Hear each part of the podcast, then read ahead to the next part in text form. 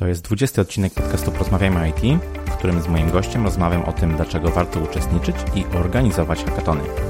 Przypominam, że w poprzednim odcinku rozmawiałem o wpadkach i błędach w IT. Ja się nazywam Krzysztof Kępiński i życzę Ci miłego słuchania. Startujemy.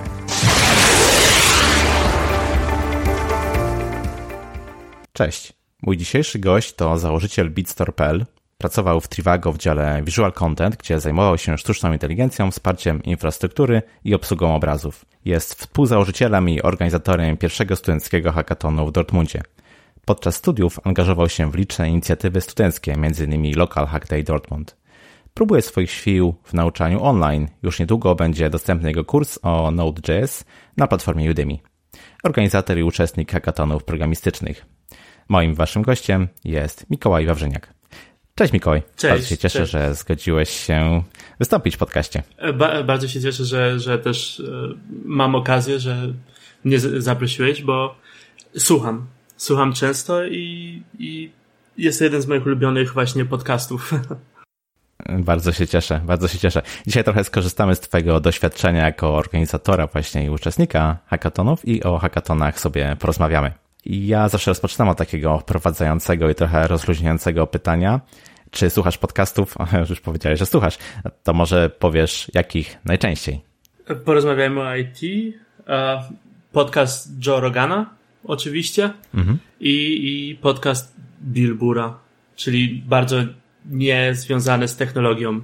No tak, tak, faktycznie, ale bardzo, bardzo fajny podcast. Ja zawsze namawiam, jak tylko mogę i gdzie mogę, żeby właśnie z podcastów jako źródła wiedzy i rozrywki korzystać. Super. Okay, Mikołaj, to powiedz proszę na początku, czym są hackatony i może jakie typy mógłbyś wyróżnić? Hackatony to konkursy programistyczne odbywające się na przestrzeni jednego lub dwóch, czasami nawet trzech dni, w trakcie których chodzi o stworzenie jakiegoś prototypu. Czy to będzie aplikacja webowa, czy to jest, jak, czy jest zada, zadany jakiś temat. To wszystko jest e, tak naprawdę do pozostawione uczestnikom. Znaczy tematy są czasami narzucane, czasami są hackatony również takimi hackatonami wolnymi, gdzie nie chodzi o stworzenie aplikacji dla, nie wiem, pomocy przy jakimś kryzysie humanitarnym, tylko po prostu luźne hackatony, gdzie można zrobić co się chce i często wychodzą naprawdę fajne i zabawne rzeczy. Są mhm. ogólnie głównie dwa typy, które ja może bym wyodróżnił. Z jednej strony są hackatony studenckie, na których atmosfera jest o wiele luźniejsza. Głównie chodzi o zabawę, o uczenie się, o zdobywanie nowego doświadczenia i poznawanie ludzi. Oraz hackatony organizowane przez firmy, które są organizowane w różnych celach, na przykład rekrutacja, czy pokazanie się, lub nawet przetestowanie nowego API. No właśnie, mam wrażenie, że hackatony jako takie zjawisko coraz bardziej są e, powszechne, coraz bardziej zyskują na popularności. I po części już powiedziałeś, ale gdybyś mógł tak jeszcze raz e, podsumować, po co w ogóle organizuje się hackatony? W, zależności od tego, kto je organizuje, organizuje się na przykład dla e, zrekrutowania nowych pracowników czy kandydatów, dla pokazania się, czyli po prostu jest to działanie marketingowe, lub po prostu dla stworzenia powiedzmy bezpiecznego środowiska, w którym można się uczyć i eksperymentować dla studentów lub uczniów również szkół ponadgimnazjalnych czy gimnazjalnych. Chociaż z nimi jest, z tym wiążą się problemy typu, jeżeli ktoś nie ma 18 lat, czy może przenocować yy, i tak dalej, i tak dalej. Hmm, czyli faktycznie jest to narzędzie, które może być wykorzystywane e, no, w wielu, wielu zastosowaniach i do osiągnięcia różnych e, celów. A czy są to mm, takie imprezy jednorazowe, czy też może mamy też do czynienia z cyklicznością e, hackatonów? Wiele hackatonów odbywa się cyklicznie, najczęściej co roku lub dwa razy w roku. I istnieje organizacja, która nazywa się Major League Hacking, która organizuje, organizuje, pomaga w organizacji hackatonów w formie jakby całego sezonu i turnieju, gdzie biorąc udział w hackatonach z danego sezonu, zdobywa się punkty dla swojej uczelni i na końcu sezonu uczelnia, która zdobyła najwięcej punktów, otrzymuje trofeum i jakieś tam nagrody od sponsorów. No, brzmi to bardzo, bardzo fajnie. Powiedz proszę, no, domyślam się, że organizacja e, hackatonu to jest niemałe przedsięwzięcie, wymaga sporo czasu, wysiłku i tak dalej. Wobec tego, w jaki sposób e, finansuje się e, takie, takie wydarzenia od strony organizacyjnej? I może trochę wybiegając do przodu, zapytam, po co firmy miałyby się angażować w sponsoring e, hackathonów? Finansuje się najczęściej poprzez sponsoring i dlaczego firmy miałyby się angażować finansowo? Ponieważ jest to jeden z najtańszych sposobów na rekrutację młodych, nowych, zaangażowanych kandydatów na E, stanowiska, e, które się ma do obsadzenia, bo dostaje się ludzi, którzy naprawdę się tym tak pasjonują, że spędzą weekend pracując nad jakimiś projektami, poznając nowych ludzi, a z drugiej strony są na tyle pewni w tym, co robią, że nie boją się tego pokazać. I można ich od razu, nawet nie trzeba zapraszać na rozmowę kwalifikacyjną, można od razu ich na miejscu poznać, z nimi porozmawiać, zobaczyć, kim oni w ogóle są. Więc zaoszczędza to trochę czasu. Tak, tak. Takie dwie pieczenie na jednym ogniu, można powiedzieć. Okej. Okay. Um, co do. czy temat. Jeszcze chciałem dodać, co do. Czyli firmy organizują to z powodów rekrutacyjnych albo z powodów marketingu, pokazania się. Również w naszym przypadku, na przykład, jak organizowaliśmy ten hackathon na, na uczelni, ludzie z uczelni zauważyli, że to jest naprawdę fajny sposób na przyciągnięcie nowych studentów, pokazanie się na po prostu marketing uczelni. I z tego powodu również nas w tym wsparli. Powiedziałeś, że jest to fajny sposób na rekrutację ludzi, którzy no, powiedzmy mają pasję do danego tematu, faktycznie chcą się w tym temacie rozwijać. W związku z tym moje pytanie, czy tematyka hackathonu jest zawsze z góry ściśle e, określona i mm, na ile tutaj w tej materii sponsorzy mają coś do powiedzenia? Najczęściej hackatony są hackatonami ogólnymi i, i hackatony bardziej tematycznie ograniczone to są raczej hackatony organizowane przez firmy. Sponsorzy najczęściej przy hackatonach ogólnych mają możliwość od pewnych, powiedzmy, stopni sponsoringu mogą stworzyć swoje kategorie i żeby brać udział w danej kategorii trzeba na przykład wykorzystać ich API albo ich technologię e, albo ich urządzenia w tworzeniu prototypu. Więc nawet jeżeli się nie organizuje jako firma swojego własnego hackathonu, nadal można e, przetestować e, różne rzeczy lub zobaczyć, jakie inne pomysły mają, mają uczestnicy hackathonów, którzy mają świeże spojrzenie na dany produkt i, i kreatywność. Czyli jak dla mnie jednoznacznie widać takie obopólne korzyści, nie tylko dla uczestników, ale też dla firm, które chciałyby w to y, wejść, prawda, w organizację czy w sponsoring. A mam pytanie. Powiedzmy, że w wyniku takiego hackathonu uczestnicy, uczestnicy e, tworzą projekt jakiś wartościowy, mniej lub bardziej. W każdym razie powstaje e, pewnego rodzaju e, dzieło. Kto jest właścicielem takiego projektu? To trzeba przeczytać sobie zasady hackathonów, w których się uczestniczy, bo w niektórych bywa tak, że w niektórych, w mniejszości w sumie, bywa tak, że prawa autorskie przechodzą na organizatorów hackathonów. W przypadku hackathonów studenckich e, tak się nie dzieje. E, wszystko, co się stworzy, należy też do, do, do twórcy, a nie do organizatora hackathonu. E, ja za każdym razem, kiedy, zanim w ogóle zapiszę się na hackathon, czy wyślę swoją aplikację, czytam sobie zasady i, i patrzę tak naprawdę, czy to jest pułapka. Bo jakby nie patrzeć, jeżeli prawa autorskie przechodzą na firmę czy organizatora, no to jest po prostu pułapka, żeby pracować przez cały weekend za darmo. To jest myślę bardzo ważna rzecz, którą teraz poruszyłeś, żeby faktycznie regulaminy yy, czytać. A zahaczyłeś tutaj o taką kwestię wysyłania aplikacji na yy, hackathon. Powiedz proszę, czy obowiązuje jakiś system zgłoszeń do hackathonu, czy też każdy może z, przysłowiowej ulicy na hackathon przyjść? Zwykle bywa tak, że wypełnia się formularz, pokazuje, wpisuje się coś, co się zrobiło, daje link do GitHuba, parę słów o sobie, wysyła ten formularz i dopiero wtedy organizatorzy wybierają sobie, kto zapraszają uczestników, którzy mogą na hackathon przyjechać. Dzięki temu ma się pewną pewność, że ludzie, którzy przyjadą, znają się, nie przyjechali tylko, żeby pojeść, popić i nie wiem, po, po, po posiedzieć i porozmawiać, tylko naprawdę potrafią coś zrobić i są naprawdę tym zainteresowani. Wspomniałeś na początku nawet o y, pewnej lidze, która, która e, właśnie y, powiedzmy działa w ramach e, hackathonów. Czy w hackathonach uczestniczą indywidualne osoby, czy też może jakieś grupy, jakieś e, teamy, które powiedzmy od hackathonu do hackathonu sobie jeżdżą? W hackathonach głównie uczestniczą pojedyncze osoby, które przyjeżdżają, w ogóle nikogo nie znają i poznają nowych ludzi, spontanicznie wybierają na czym chcą pracować, czy co chcą zrobić i z kim. Można się zgłosić jako drużyna, ale tak naprawdę moim zdaniem nie o to chodzi w hackathonach. Więc są drużyny, które jeżdżą od hackathonów do hackathonów i wygrywają. Tak było na Kairos Hex 2015 e, e, na przykład, gdzie była po prostu drużyna, która również organizowała hackathon w Bremen i po prostu zrobili sobie taki team 4-5 osobowy i jeździli do hackathonów, do hackathonów i w tamtym sezonie tak naprawdę często wygrywali. Ale jak rozumiem, nie wyklucza to sytuacji, kiedy obcy sobie ludzie, powiedzmy, tworzą e, grupę taką ad hoc w ramach danego hackathonu, prawda?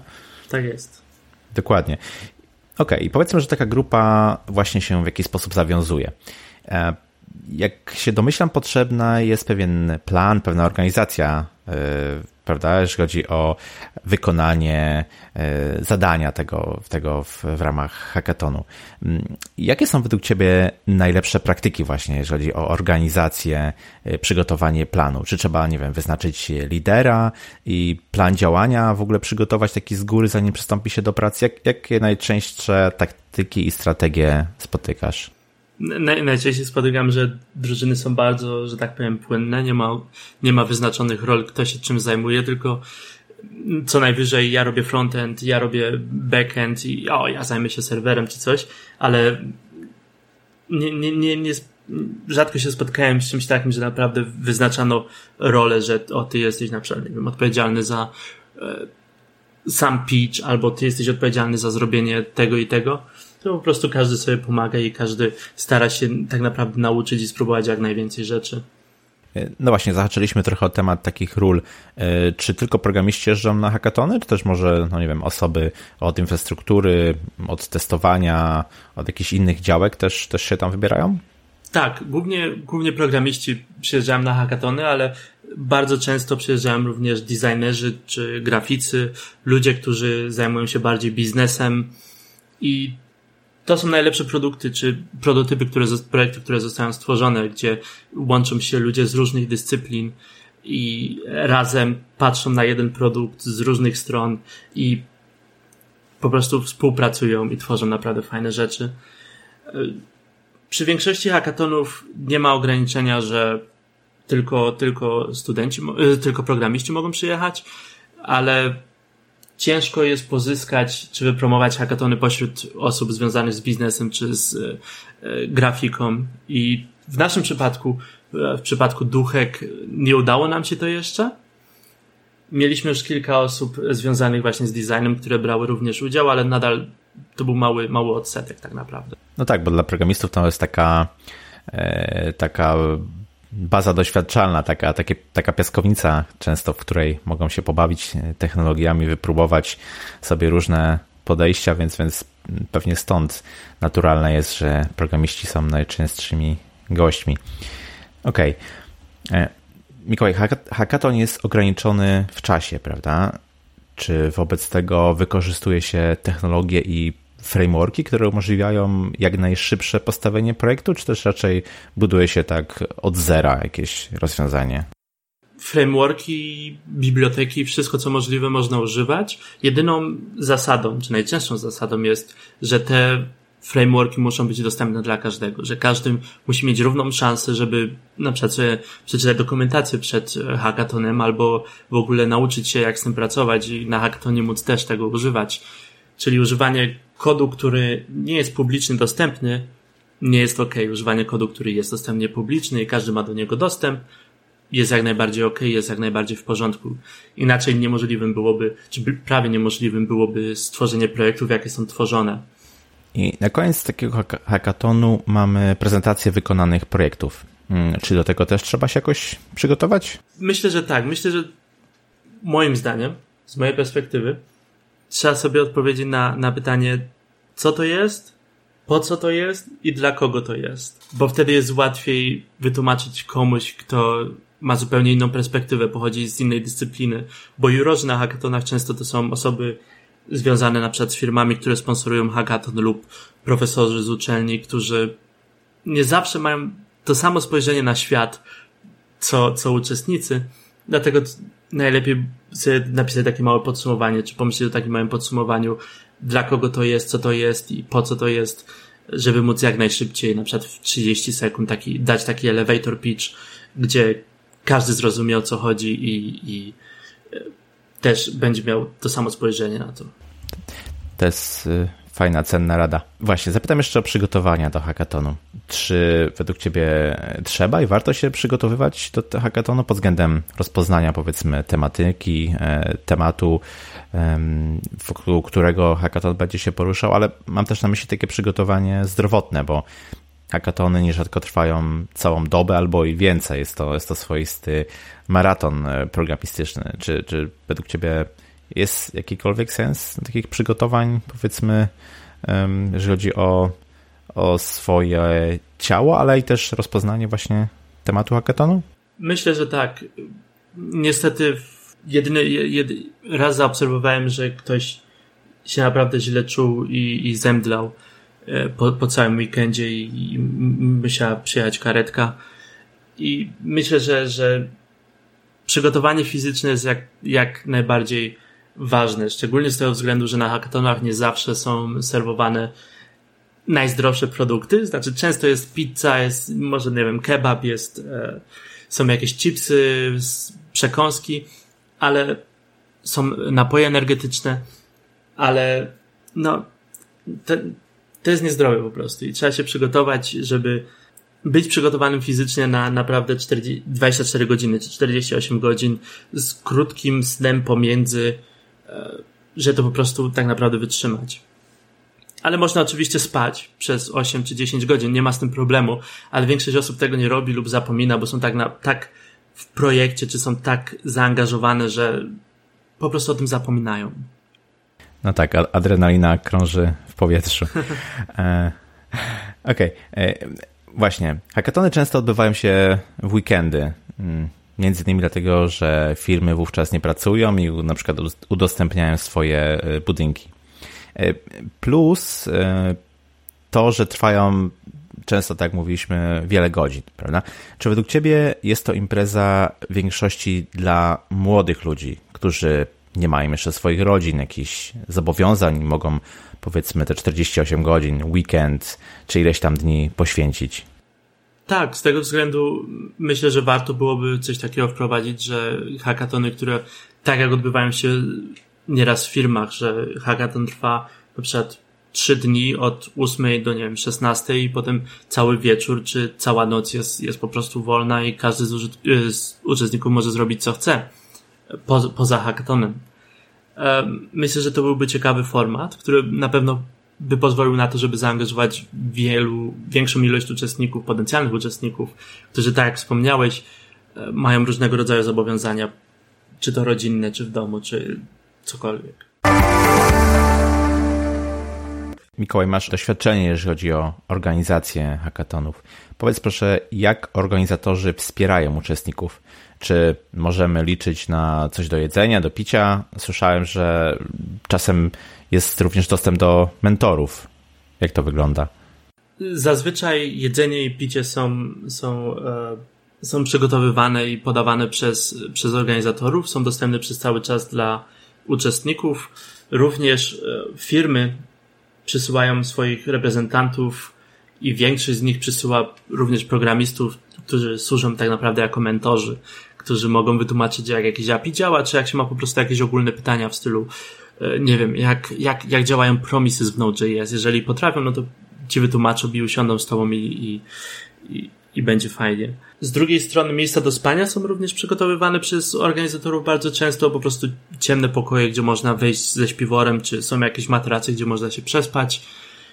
Oraz oczywiście łazienki, dostęp do łazienek, czy e, dostęp do wyjścia, może w każdym momencie oczywiście wyjść, wejść e, do sali czy hali. Okej, okay, czyli o takie podstawowe rzeczy powiedzmy nie musimy się e, martwić.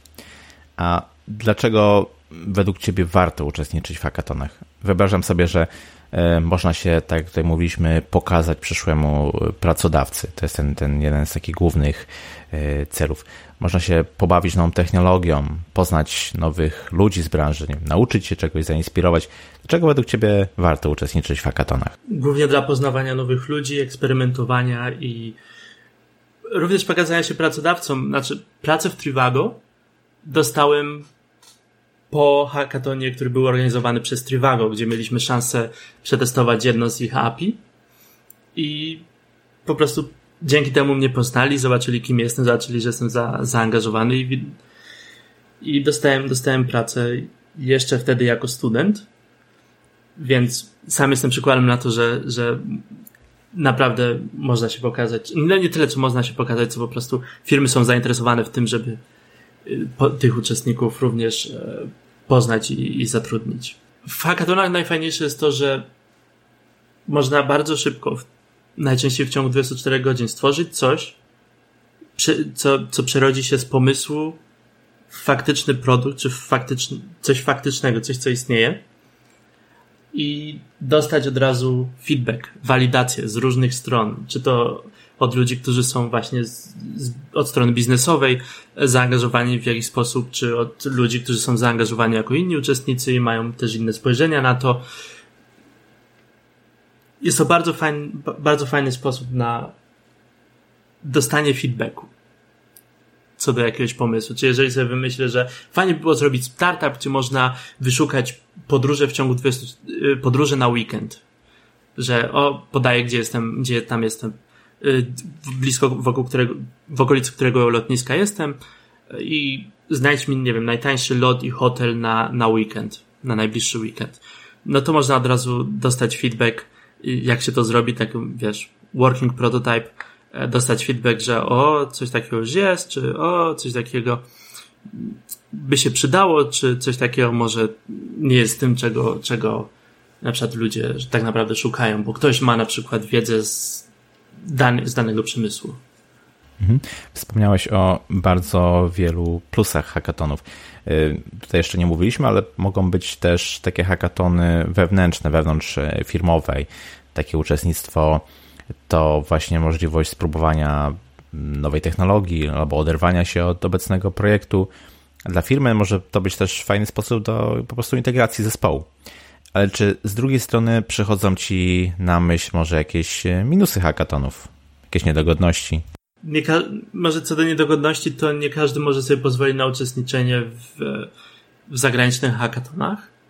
Um, I nie każdy hackathon oferuje zwrot kosztów dojazdu. Niektóre to oferują i to jest bardzo fajna opcja, jeżeli trzeba lecieć, nie wiem, do innego kraju, to wtedy zawsze jak, jakąś część, czy może nawet całą kwotę dostaje się z powrotem. Poza tym minusem, ale to nie wszystkich hackathonów, jest właśnie brak zdrowego jedzenia czy zdrowej żywności, opieranie się na jakichś fast foodach, snackach czy napojach energetycznych ale trend zmienia się i coraz więcej hackathonów zaczyna oferować zdrowe jedzenie. I szczerze mówiąc, nie, nie, nie, nie znam żadnych innych minusów tak naprawdę. Oprócz tego, że nie każdy może w nich brać udział ze względu na format, że tak jak wspomniałeś, nie, nie, wszyscy mogą, wiesz, porzucić wszystko na cały weekend, czy na 36-48 godzin i siedzieć i programować i nie zajmować się niczym innym. Są również zobowiązania, którymi się trzeba zająć. Oczywiście, oczywiście. No ale jak widać, zdecydowanie więcej mamy plusów niż, niż minusów. Tak jak już powiedziałem, hackatony to nie zawsze są imprezy otwarte. Słyszałem o dużych korporacjach międzynarodowych, które organizują takie wewnętrzne, powiedzmy, maratony programowania. Jaki cel przyświeca takim firmom? Najczęściej, żeby albo pracownicy nauczyli się czegoś nowego i wypróbowali coś nowego, albo tak jak wspomniałeś, integracja zespołów, poznanie się oraz po prostu pomysł kreatywności. Co można zrobić? Co można zrobić innego? O czym wszyscy myślą? Czy ktoś myśli, co możemy zrobić z naszymi produktami? W jakim kierunku możemy pójść? To są, myślę, takie trzy główne powody. Fajną opcją są również hackatony w firmie czy wewnątrz zespołów, gdzie po prostu daje się przy rozpoczęciu pracy z nową technologią, daje się tydzień czy dwa e, na taki hackathon, gdzie właśnie programiści mogą się zająć czymkolwiek chcą, byle użyli danej technologii. Czy to, nie wiem, wprowadzamy AWS, no to niech przez tydzień teraz próbują swoich sił w tematyce, którą się zajmujemy w naszym zespole, ale z użyciem AWS. Czy to jest, myślę, bardzo fajne narzędzie dla pracodawcy, także jeśli słuchają nas właśnie przedsiębiorcy, pracodawcy, to polecamy rozważenie hackathonu, nawet takiego wewnątrz firmowego, zamkniętego, bo tak jak widać, naprawdę sporo fajnych rzeczy można, można właśnie e, poprzez nie zdziałać. Okej, okay. Mikołaj, a jakie są najpopularniejsze hackatony na świecie? Hack Zürich w Zurychu oraz Junction. Tak myślę. Znaczy naj, najsłynniejszym to był Hack Seoul, który nie doszedł do skutku. E, był to taki hmm, hoax, nie chcę powiedzieć. Był to po prostu kilka, dwa, lat, dwa albo trzy lata temu ogłoszono, że Hack Seoul będzie największym hackathonem na świecie, dwa czy pięć tysięcy y, uczestników i wszystkim będzie, będą zwrócone pieniądze za dojazd i potem się okazało, że nie, że jednak to się nie wydarzy i nie wiadomo tak naprawdę, co się stało. To była wielka porażka. Um, więc myślę, że przez to, przez to to był naj, naj, najbardziej znany hackathon. Ale Hack Zurich i Junction są to największe. Oba odbywają się w Europie, bo oczywiście hackatony amerykańskie jak MHEX czy hackathon na, na Uniwersytecie Waterloo to są zupełnie inne rozmiary niż w Europie. Dla hackathonów tam 2000 uczestników, kilka tysięcy uczestników to, to są normalne liczby. Dla hackathonów na przykład z Europy, jak Junction czy Hack Zurich, 2000, około 2000 to jest największy hackathon. Także scena, scena hackathonów w Stanach jest o wiele większa, ale wydaje mi się, że poza Stanami Zjednoczonymi, Zjednoczonymi te hackathony nie są tak znane jak właśnie Hack Series czy Junction, które skupiają ludzi z całego świata. Bo do Stanów Zjednoczonych też nie jest tak łatwo wlecieć. Jesteś e, współorganizatorem Duhak. Opowiedz proszę, co to jest za inicjatywa i do kogo jest kierowana? Duhak jest to hackathon studencki, czyli organizowany przez studentów dla studentów na Uniwersytecie w Dortmundzie. Jest 24-godzinny hackathon, który odbywa się Teraz już nie odbywa się na, na Uniwersytecie w Dortmundzie, na kampusie, odbywa się teraz pod skrzydłami firmy Adesso, e, która zdecydowała się przyjąć nas pod swoje, pod swoje skrzydła i z każdym rokiem e, duchek rośnie. Jest to pierwszy hackathon tego typu e, w Dortmundzie również i okolicy. Mhm. A powiedz, jakie błędy popełniliście przy organizacji i co z perspektywy czasu byś poprawił? Jednym z błędów było na pewno może nie tyle błędów, bo tak naprawdę bardzo sporo się nauczyliśmy co do organizacji, bo żaden, nikt z nas, nikt z całego zespołu nie miał jeszcze doświadczenia z organizowaniem imprez, tym bardziej imprez tego typu. I większość z nas była po raz pierwszy na hackatonie właśnie przed duchek, więc po, po jednym hackatonie zdecydowaliśmy, że o, zorganizujemy swój własny. Nie wiedzieliśmy, jak się za to zabrać, zabraliśmy się z nie tej strony, od której powinniśmy byli. E, najpierw zaczęliśmy zastanawiać się, skąd weźmiemy pieniądze, zamiast co chcemy zrobić. Potem musieliśmy jeszcze wszystkim dookoła tłumaczyć, czym w ogóle są hackatony e, na uczelni, czy firmom z okolicy, bo jest to temat, który jeszcze tak w świadomości ludzi nie istnieje tak mocno. Myślę, że najpierw zacząć od organizacji Coding Days. 12-godzinnych czy całodniowych po prostu e, takich nie, nie maratonów, co może sprintów kodowania. E, organizacja czegoś takiego jednego, jednodniowego byłaby lepszym rozwiązaniem niż organizowanie 24-godzinnej imprezy, z którą wiąże się wiele problemów e, co do samej, co do samej lokalizacji, czy która będzie otwarta przez 24 godziny, czy ochrony, która będzie przez 24 godziny na miejscu, czy nawet e, czy nawet e, faktu, że nie wszyscy uczestnicy mogą przenocować e, w, miejscu, w miejscu, w którym się odbywa hackathon ze względu na przykład na wiek. A Mikołaj, powiedz, jak się promuje takie wydarzenia jak e, hackatony? Co się robi aby wypromować hackathon? Głównym kanałem marketingowym jest tak naprawdę po pierwsze, po pierwsze są pobliskie uczelnie, pobliskie szkoły, jeżeli również się chce mieć uczniów uczestniczących w hackatonie. Drugim jest internet od Facebooka. Tak naprawdę własny landing page plus Facebook i promocja w grupach na Facebooku, jak na przykład Hackathon Hackers e, i wszystkich pokrewnych grupach e, daje już naprawdę wiele. Również można porozmawiać z radami studenckimi pobliskich uczelni, uczelni w, w większym, w większej okolicy, dalszej okolicy, czy można po prostu wysłać e, e-mail z promocją do ich studentów i wtedy najczęściej mają po prostu jeden adres e-mail, który kieruje się, jest kierowany do wszystkich studentów i wtedy kto jest zainteresowany może sobie po prostu spojrzeć i, i się zapisać. A dlaczego tacy ludzie jak e, ty chcą organizować hackatony? Czy, nie wiem, na tym się zarabia, czy robi się to dla prestiżu? Dla mnie to było po prostu doświadczenie na zasadzie, ok, byłem na tym fajnym hackatonie w Bremen. Było to naprawdę fajne, było, to jest to środowisko, w którym mogę eksperymentować, uczyć się, poznać nowych ludzi i dostać od razu, od razu feedback. To było tak fajne, że po prostu chciałem stworzyć coś takiego u nas na uczelni dla, dla znajomych czy studentów z uczelni i okazało się to strzałem w dziesiątkę. Więc y, w przypadku moim i w przypadku duchek całego zespołu było to po prostu, była to po prostu chęć stworzenia doświadczenia, tego typu doświadczenia na naszej uczelni dla naszych, e, dla, nas, dla naszych e, kolegów i koleżanek. Dla pieniędzy niewiele osób znam, które organizują hackatony dla pieniędzy, które, które z tego żyją. Aczkolwiek byliśmy, zostaliśmy poproszeni przez e, kilka większych firm o zorganizowanie hackatonu dla nich. No brzmi to bardzo fajnie.